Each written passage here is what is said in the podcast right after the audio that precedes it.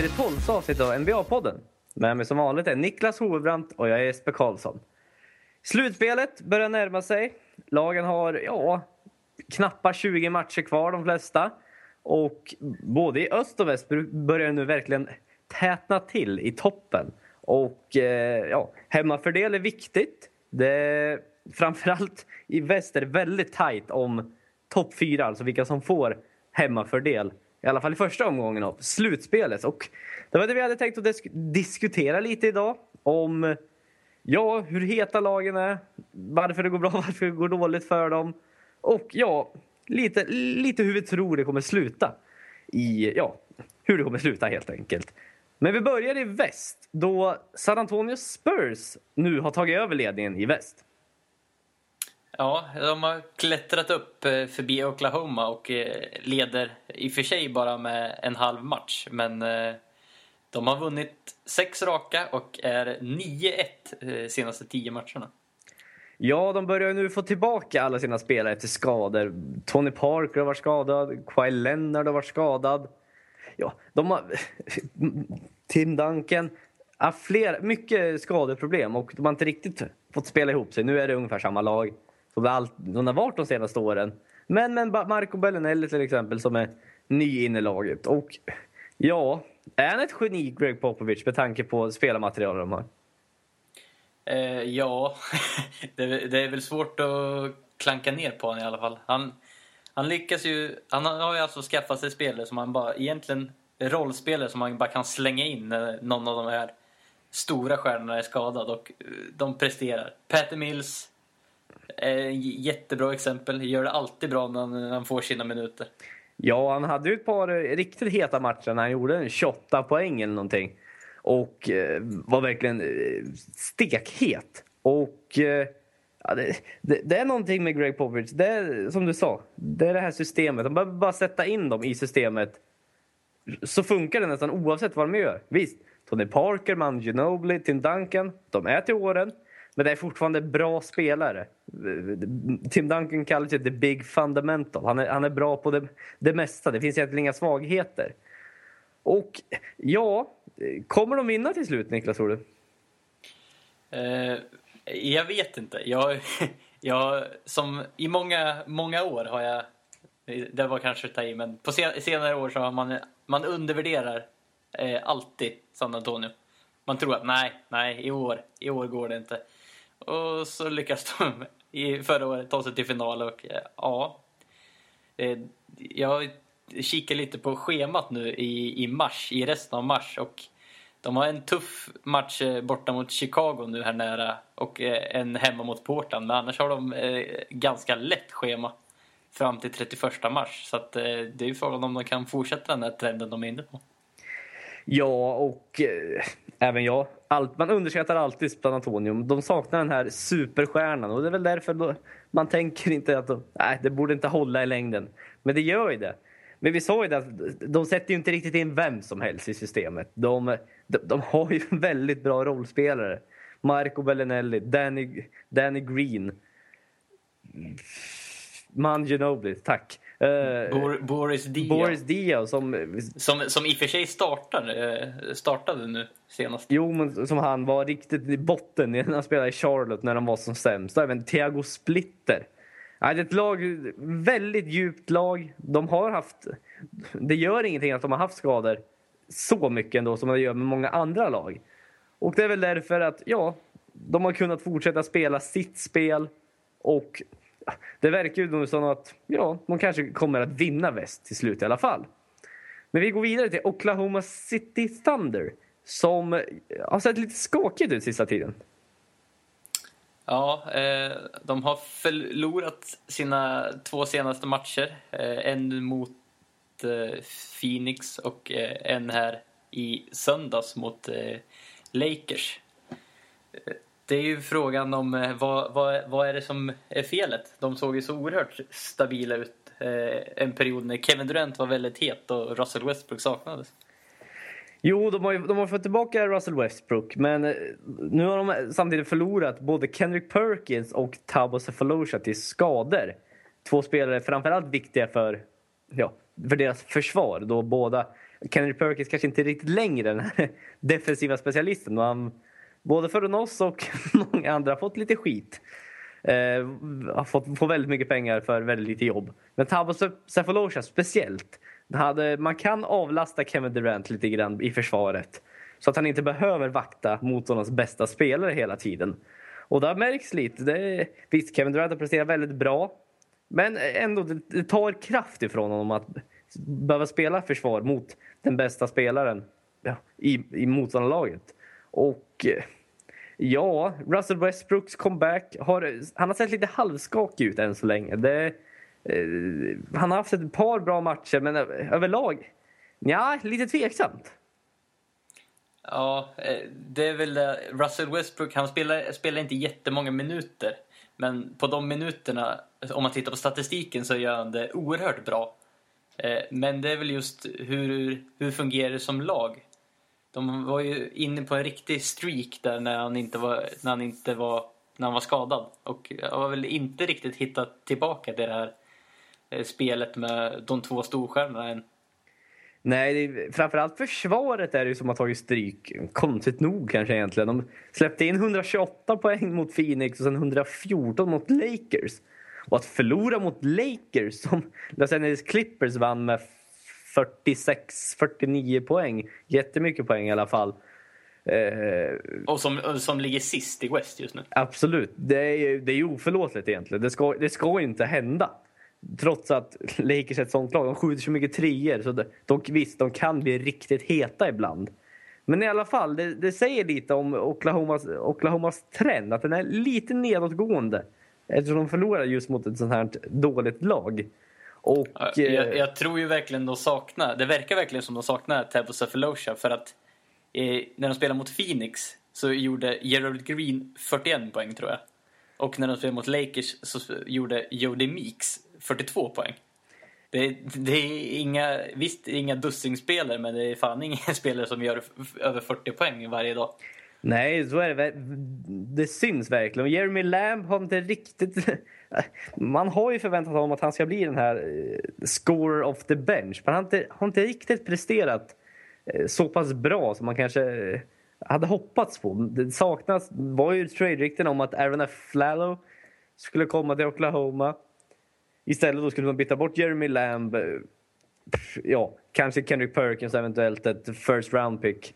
Eh, för att få in Flallow som den här lite scoren förutom Kevin Durant och Russell Westbrook. Och ja, visst. Nu har de ju, nu har de fått in Karen Butler istället. Ja, precis. Jag tänkte precis nämna det. Och ja, jag har väl inte sett så mycket från honom än så länge. Det är väl, han, nytt lag. Har varit en del skador under säsongen. Kanske inte kan få så mycket ut från honom. Men vad, vad, tror du? Kommer Oklahoma, hur, hur kommer det sluta för dem till slut? Ja, nu, man, man slits ju lite mellan eh, att säga vad man sa i början av säsongen. För, det, för jag, sa att, jag sa att de skulle vinna West. Det, det trodde jag redan från början. Så att, eh, ja, jag får nog stå fast vid det. Jag tror de hittar tillbaka med, till spelet med Russell Westbrook och Kevin Durant. Ja, både Houston och Clippers är ju två en, riktigt heta lag som kommer bakifrån. Och jag tror, tyvärr är ju också min känsla, jag tror inte de kommer fånga Spurs för Spurs går alldeles för bra just nu och få tillbaka alla sina spelare. Så jag tror faktiskt att de kommer hålla andra platsen Oklahoma. De, kommer, de har ändå ett par matcher ner, ett par matchers marginal ner till både Houston och Clippers och ja, jag tror de kommer de kommer nog hitta tillbaka till ja, bättre tisdagens matcher om 5-5 och troligtvis bättre än det i alla fall tror jag vi kommer få se i framtiden. Och ja, jag tror de kommer sluta på en andra plats. Men vi pratade om att eh, både Houston Rockets och Los Angeles Clippers är två väldigt heta lag just nu. Om vi börjar med Houston har de vunnit fem raka. De, eh, och eh, ja, man kan ju tänka sig fem raka. Det är inga lätta motståndare de har haft heller. Tre av de här fem matcherna är mot Miami, Indiana och Portland Trailblazers. Riktigt imponerade vinster. Ja, eh, de, de verkar ha kommit igång nu eh, på slutet. Det tog ju lite tid för James Harden och Dwight Howard att finna varandra, eh, lära sig att spela med varandra. Men nu verkar det sitta klockrent för tillfället. Ja, James Harden hade 41 poäng mot Portland, 17 poäng i fjärde quartern. Fick även hjälp från Jeremy Lin som gjorde 26 poäng. Tror han hans första 20-poängmatch sedan den 23 december. Och eh, ja, välbehövlig hjälp för Houston. Eh, men jag, gillar, jag gillar att prata om geometrin i lag. Och jag tycker att geometrin i Houston passar fantastiskt bra. Man har en big man inside i Dwight Howard. Bra både offensivt och defensivt. Verkligen dominant på båda hållen. Och man har ju letat lite i ljuset efter den här eh, stretch four. Eh, en power four som kan skjuta treor. Man kanske inte riktigt har hittat den i Terrence Jones. Men eh, han har visat att han är en bra midrange. Eh, han, han är bra från mid, midrange och kan även skjuta treor hyfsat i alla fall. Och sen har man James Harden. Visst han är en shooting guard, men det är han som har bollen ja, det mesta av tiden. Och är den som styr med pick and rolls, eh, lite screens för, eh, ja, för Chandler Parsons kommer eh, för öppna skott. Och ja, i försvaret så har man även en, just nu i alla fall, Avery, inte Avery Bradley, vad heter den? Jag tappade, Patrick Beverly. Tappade namnet helt. Man har även Patrick Beverly som är en väldigt bra försvarare. Kan eh, verkligen pressa deras point guard och eh, ställa till väldiga problem i försvaret. I, ja, han, eller i försvaret, han, i motståndarnas offensiv, säga. Förlåt. Ja, han, han verkar kunna reta gallfeber på, på de flesta han möter. Han är, han är intensiv att möta. Ja, verkligen. Och sen, sen är James Harden, han är... Han verkar se lite slapp ut i försvar. Jag tror han är... Tror, han är ju han är stark. Han är ganska, kan vara en ganska bra försvarare, men han ser lite, ser lite lam ut. Och han, hans huvudroll är ju att... För, nu har jag tappat orden totalt. Hans huvudroll är att leda deras offensiv, inte deras defensiv. Det är där man har Dwight Howard till hjälp. Så att man har mycket rum för Dwight Howard i mitten. Man har mycket trepoängsskyttar runt om som många av de bra lagen spelar just. Många av de bra lagen spelar så just nu. Med till exempel Miami, San Antonio, många bra trepoängsskyttar. Och Dwight Howard, ja, han kanske är den bästa centern i ligan nu, trots allt. Ja, han eh, har ju fått ganska mycket kritik sen eh, säsongen han gjorde i Lakers. Han var, hade skadebekymmer eh, men spelade inget bra och verkade inte alls trivas. Men nu är det en ny situation och han ser ut att passa allt bättre in i, i Houstons system. Ja, han har ju fortfarande inte snittat. Det är bra nummer han har snittat fortfarande. Han är topp fem i, i returtagning. Han är väl snittar näst mest poäng av alla centra tror jag bakom DeMarcus Cousins. Snittar ett par block per match och är fortfarande en väldigt dominant spelare. Så ja, overall så att säga, både, man tänker både offensivt och defensivt, kanske han faktiskt är den bästa, bästa centern i ligan idag. Men ett annat lag som också är väldigt, som är väldigt heta, det är Los Angeles Clippers som har vunnit åtta raka, Niklas. Ja, visst är det väl roligt? Det är helt underbart tänkte jag säga. Ja, men, för, oss, ja. för oss som Clippers-fans. Vi ska väl inte försöka, vi ska inte färga den här podcasten allt för mycket. Nej, nej, vi pratar så lite om möjligt eh, om, om Clippers. Ja, det, nej, det blir nästan så. Har, vi... Ja, förlåt, förlåt. förlåt. ja, nej, vi, vi har ju en, eh, en viss Blake Griffin som har steppat upp sitt spel lite på sista tiden och eh, han eh, rör sig som en point guard och dunkar som en center ungefär. Ja, han hade 37 poäng i gårdagens vinst mot Phoenix och hade väl 36 i halvtid. Och eh, ja, var, börjar bli en riktigt dominant spelare i den här, den här perioden när Chris Paul var, ut, eh, var borta från skada. Eh, har verkligen hjälpt honom att vara den här vokala punkten i deras offensiv. Och han, har, han har fortsatt med det och nu tagit hjälp av Chris Paul istället för att lämna över ansvar till honom. Och eh, ja, eh, det har varit lite, lite diskussioner om att eh, skulle nu Clippers trots allt mot alla, mot alla odds få det bästa, få det bästa recordet i ligan, då är Blake Griffin en kandidat för MVP. Ja, så, så som han spelar sen, sen i stort sett sen 2014 började och sen kanske framförallt i februari så då är det inte så mycket att säga, säga emot faktiskt. Nej, för då, då skulle han leda det leda det bästa laget i ligan till oh, att vara det bästa laget i ligan. Och då är det inte alls otroligt att han skulle bli MVP. Men vi är, vi är, bara för att vi är Clippers-fans så är vi inte... Ja, vi färgar inte av oss helt. Vi förstår ju fortfarande att det är väldigt tufft om Clippers skulle nu ta sig hela vägen till att få det bästa recordet i ligan. Det är inte... Vilket vi, vilket vi inte tror, Nej, kan vi lägga till. tyvärr kanske vi ska säga. Eh, de är heta, de har vunnit åtta matcher i rad. De har faktiskt ett ganska lätt schema framöver. Eh, de har spelat väldigt tufft schema sista tiden innan de här åtta vinsterna i rad. Och eh, ja, får lätt nu många hemmamatcher i väst. Jämför man med Rockets som har väldigt tuff, ganska tufft schema. Har haft lätt schema tidigare under säsongen. Och det jämför med deras record lite kanske att ja, Clippers kanske har varit lite bättre ändå, bara att de har mött, mött bättre motståndare. Men ja, nu börjar Rockets hitta sina... Hitta, till, hitta. De börjar verkligen komma tillbaka som ett lag nu. De lär känna varandra. Och Clippers, ja, vad tror vi? De, de eller Rockets som trea? Ja, det är ju en hård kamp. Eh, det är frågan om, om det väger över för Clippers i och med att man har tagit in eh, Eh, två riktiga veteraner i Glenn Davis och, och Danny Granger som, eh, som har kommit igång lite grann men eh, det finns ju en del sparkapital där. Ja, verkligen. Det syns att de, de börjar passa in rätt bra i systemet. Glenn Davis har haft Doc Rivers som tränare tidigare. Och Danny Grainer, före detta All-star. Alla lag verkar tycka det är väldigt kul när han gör poäng. De jublar så fort han sätter ett skott. Och det är väldigt välbehövligt för att eh, Clippers har lite skadeproblem nu. J.J. Reddick är borta, man vet inte riktigt hur länge han kommer vara borta. Jamal Crawford har varit borta nu någon vecka, kommer troligtvis vara borta några dagar till. Och även Jerry Dudley som är, som är borta med ryggproblem. Och eh, ja, välbehövligt att få lite, eh, få lite djup i laget. Man, fler spelare från bänken som kan komma in och, och leverera. Men som du sagt, Clippers har ett lite lättare schema.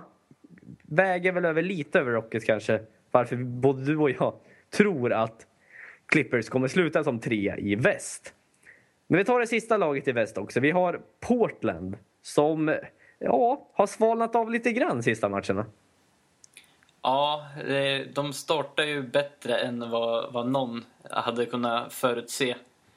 Eh, men eh, de har ju absolut inte varit dåliga på sista tiden. Det är ju bara att de har tappat lite i jämförelse med de här andra topplagen i väst som, eh, som har gått så pass bra på sista tiden. Ja, de har haft li lite skadeproblem på Marcus Aldridge sista tiden. Och det, visst, han är ju deras stora stjärna så det stör ju lite grann. Men de har ju varit så otroligt heta, framförallt från trepoängslinjen. Och det var lite som New York Knicks förra säsongen. De var lite för heta i början helt enkelt. Det går inte att hålla uppe. Hålla uppe att man sätter så många trepoängare hela tiden. Och att verkligheten kommer nästan...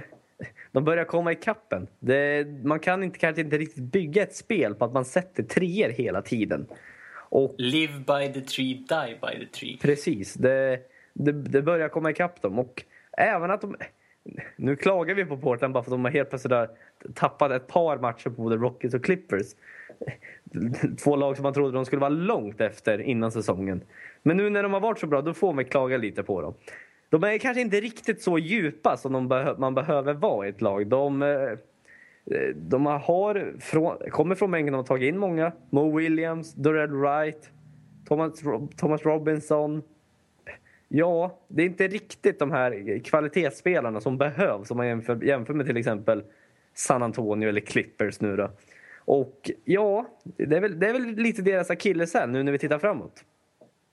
Ja, eh, det ser ju ut att kunna, kunna bli det som, eh, som avgör till slut. Men eh, skulle jag gissa på så tror jag, tror jag nog de håller undan för Golden State åtminstone. Så de slutar nog inte sämre än femma.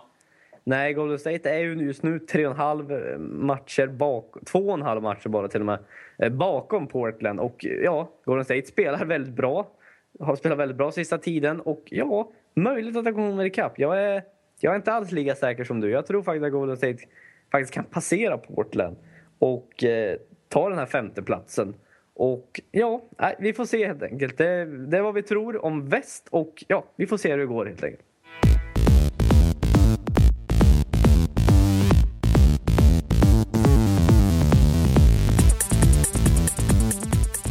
De två topplagen i öst, Indiana och Miami, har svalnat av lite nu på sista tiden om man jämför med hur det har gått tidigare. Både Indiana Pacers har fyra raka förluster och Miami, innan gårdagens vinst mot Washington, hade tre raka förluster. Och eh, ja, Niklas, vad hämtar vi ja, till att börja med från Indianas fyra raka förluster? Ja, eh, vi kan ju börja med att det är ju fortfarande ingen katastrof utan eh, det är ju bara att de här, speciellt Indiana, har ju sett ostoppbara ut eh, i långa, långa stunder under säsongen och eh, på senare tid har de varit, ja, ska vi, ska vi kalla dem mänskliga? De har förlorat eh, fyra raka alltså mot Golden State, Charlotte, Houston och Dallas. Så det är, det är inga jättelätta matcher. Nej, men samtidigt så är det, det, är inga riktiga topplag. Charlotte till exempel som är precis på gränsen till att gå till slutspel i öst. Och Paul George hade bara två poäng den matchen och så hade inte ett enda field goal. Och han hade även bara 13 poäng mot Houston. Så det, det känns som det är lite, lite problem i alla fall i laget. Nu, nu, nu, kanske man inte ska dra för stora paralleller av det här eftersom de har faktiskt spelat väldigt bra tidigare under säsongen. Men ja, eh, de har fått in Evan Turner men han har inte alls presterat vad man... Vad, nu har han inte spelat så många matcher men ändå inte presterat riktigt vad han presterade i Philadelphia. Nej, eh, han har spelat åtta matcher för, eh, för Indiana. Då. Han, han spelar ungefär 23 minuter per match i, i jämförelse med i Philadelphia där han spelar hela 35 minuter. Och eh, med tanke på det eh, tempot som eh, Philadelphia spelar i så är det inte så konstigt att eh, hans, både hans poäng, returer och assist har droppat ganska rejält. Nej, och han, han har ju fått spela lite backup point guard faktiskt i Indiana då CJ Watson har varit skadad. Och ja, inte riktigt vad han är van vid, men han är ganska bekväm med att hantera bollen i, i anfall framförallt. Då. Framförallt, man kan inte hantera bollen någonstans. Jag vet inte varför jag la till det.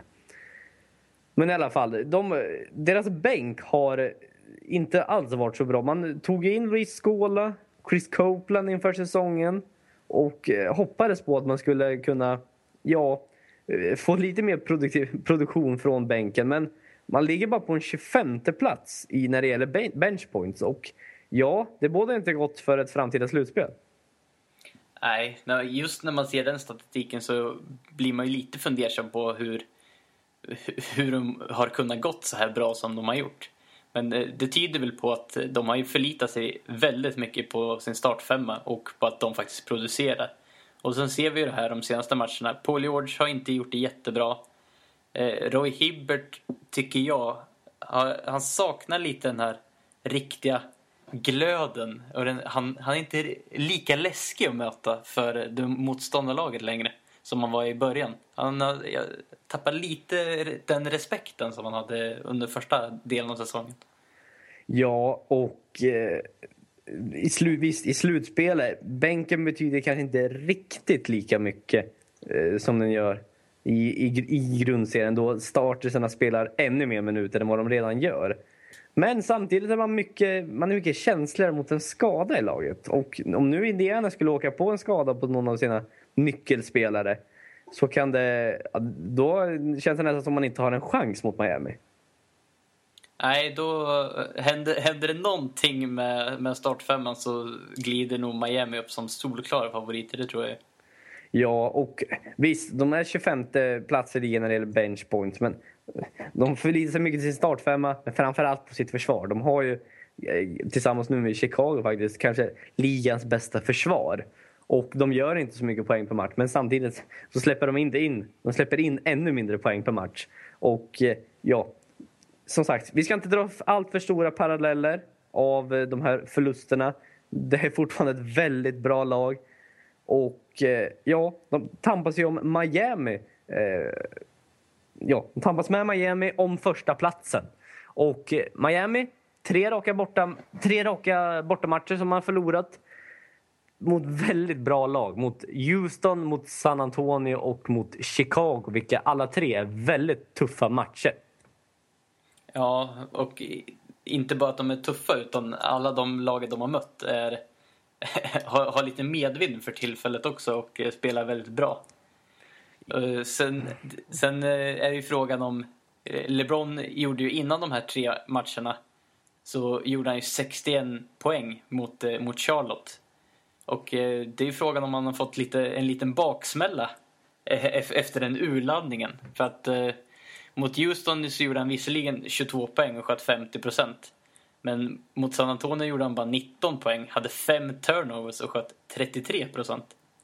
Och mot Chicago så gjorde han endast 17 poäng och, var, sköt 34 procent från golvet. Ja, på 40, när han spelade också 45 minuter den matchen i eh, ja, övertidsförlusten mot Chicago. Och eh, ja, för första gången sedan 2009 så hade han inte, ja, i matchen mot Chicago, så hade han inte ett enda free throw attempted under hela matchen. Nej, eh, det händer ju inte så ofta och då börjar man ju fundera på vad, vad hände där. Eh, men nu är, har vi ju sett att även i deras vinst mot eh, Washington under natten så hade han återigen inte ett enda free throw. Så han har alltså back-to-back -back games som han inte har skjutit ett enda straffkast på och eh, det har inte hänt sedan hans rookie-säsong 2003.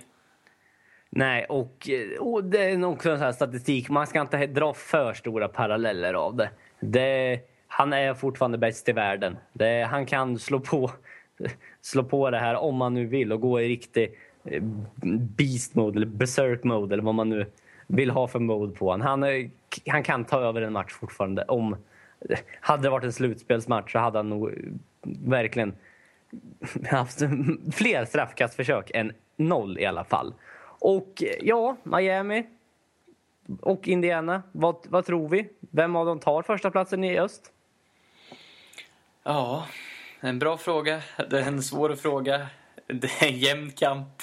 Uh, ska, ska jag återigen hålla i att eh, jag sa Indiana från början? får jag väl hålla fast vid det. Ja, du Ska inte hålla på att ändra mig. Ja, jag, tror, jag tror faktiskt, nu kommer jag inte riktigt ihåg hur jag trodde att det skulle sluta. Jag har fått för mig att jag sa att faktiskt Miami skulle vinna. Och jag, eh, om det nu så är fallet så håller jag kvar vid det. Jag tror eh, Miami kommer att vinna det här. De, eh, ja, det bara, känns mer som en ren känsla än mer fakta eftersom båda lagen har lite problem just nu. Pacers lite mer problem än Miami och det är väl det är väl det jag tar på faktiskt egentligen. Men vi går vidare till de som ligger ja, faktiskt fyra i öst nu men har spelat fantastiskt bra de senaste matcherna. Och eh, det är Chicago Bulls. Ja, eh, i, i söndags så spelade de ju mot eh, Miami. Det var en, en oerhört spännande match eh, som eh, gick till övertid och det slutade med att de vann. Eh, det, det, var mycket man kunde hämta ur den matchen. Vi såg hur Jimmy Butler eh, med sin längd och sitt försvarsspel eh, stoppade helt eh, LeBron tillsammans då med en, deras gigant, deras ledare, Joakim Noah. Ja, som har spelat, vi pratade om honom förra podcasten, jag har fått höra att vi pratade om honom för två podcaster sedan också. Han har spelat helt fantastiskt. Han har radat upp triple doubles. Och det var det är en, ett nöje att se honom på planen. Så mycket som han kämpar. Och eh, lite rolig intervju de gjorde med hans pappa Yannick Noah som är en gammal tennisspelare i matchen mot Miami då, då de intervjuade honom. Och han blev ju också, så fort Joakim Noah bara kämpade till sig en retur så blev ju eh, pappan Yannick helt galen. Bara ställde sig upp och började tok-applådera. Och eh, ja, man ser verkligen, mitt under en intervju, man ser verkligen vart han har fått den här energin ifrån. Och eh, ja, hans pappa är fransman, hans mamma är svensk faktiskt. Och eh, om man inte visste det så är han ju, jag, jag, vet inte, jag tror inte han har svenskt medborgarskap. Men han skulle kunna ha spelat för Sveriges basketlandslag om han hade velat. Men eh, ja, de har spelat fantastiskt bra och eh, sen, sen, sen deras senaste sen, sen förlust mot Golden State den 6 februari har de spelat fantastiskt bra Chicago. Ja, efter den förlusten så hade de då ett, rekord på, ett negativt rekord på 24-25. Och eh, på de senaste 14 matcherna har de gått 11-3 och ligger nu i, idag på 35-28. Så att det, det visar väl lite på vilken, vilken form de är i för tillfället. Ja, och eh, deras defensiv har nu kommit upp i den samma, nästan i stort sett samma nivå som Indiana. Och eh, Tom Tibberus eh, system, han har... Han, det, det, funkar. Det funkar verkligen. Det är tydligt att det funkar. Och med Noah i storform som hade fem blocks mot Miami. Kanske är det ett hot mot Roy Hibbert som vi hela säsongen har trott kommer att bli Defensive Player of the Year. Eller vad tror du?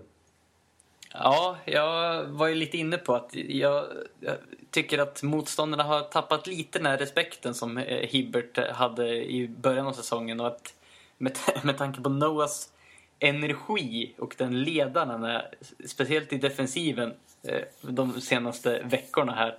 Så han är nog kanske inte, han har nog inte gått om än men eh, han, fortsätter han så här då, då tror jag han kan vinna Defensive Player of the Year. Ja, man, Defensive Player of the Year är ändå totalt under hela säsongen och så pass dominant som Roy Hibbert har varit fram tills, ja, fram tills nu. Han är fortfarande en väldigt bra försvarsspelare. Så kanske han fortfarande kommer att kamma hem den här, eh, ja, den här utmärkelsen. Om nu Pacers eh, fortsätter att framförallt vara bästa lag i ligan. Och, eller i alla fall i öst. Och ja, då kommer han nog troligtvis fortfarande hålla kvar ja, vår favorit. Han, han, kommer fortfarande vara vår favorit som defensive player of the year.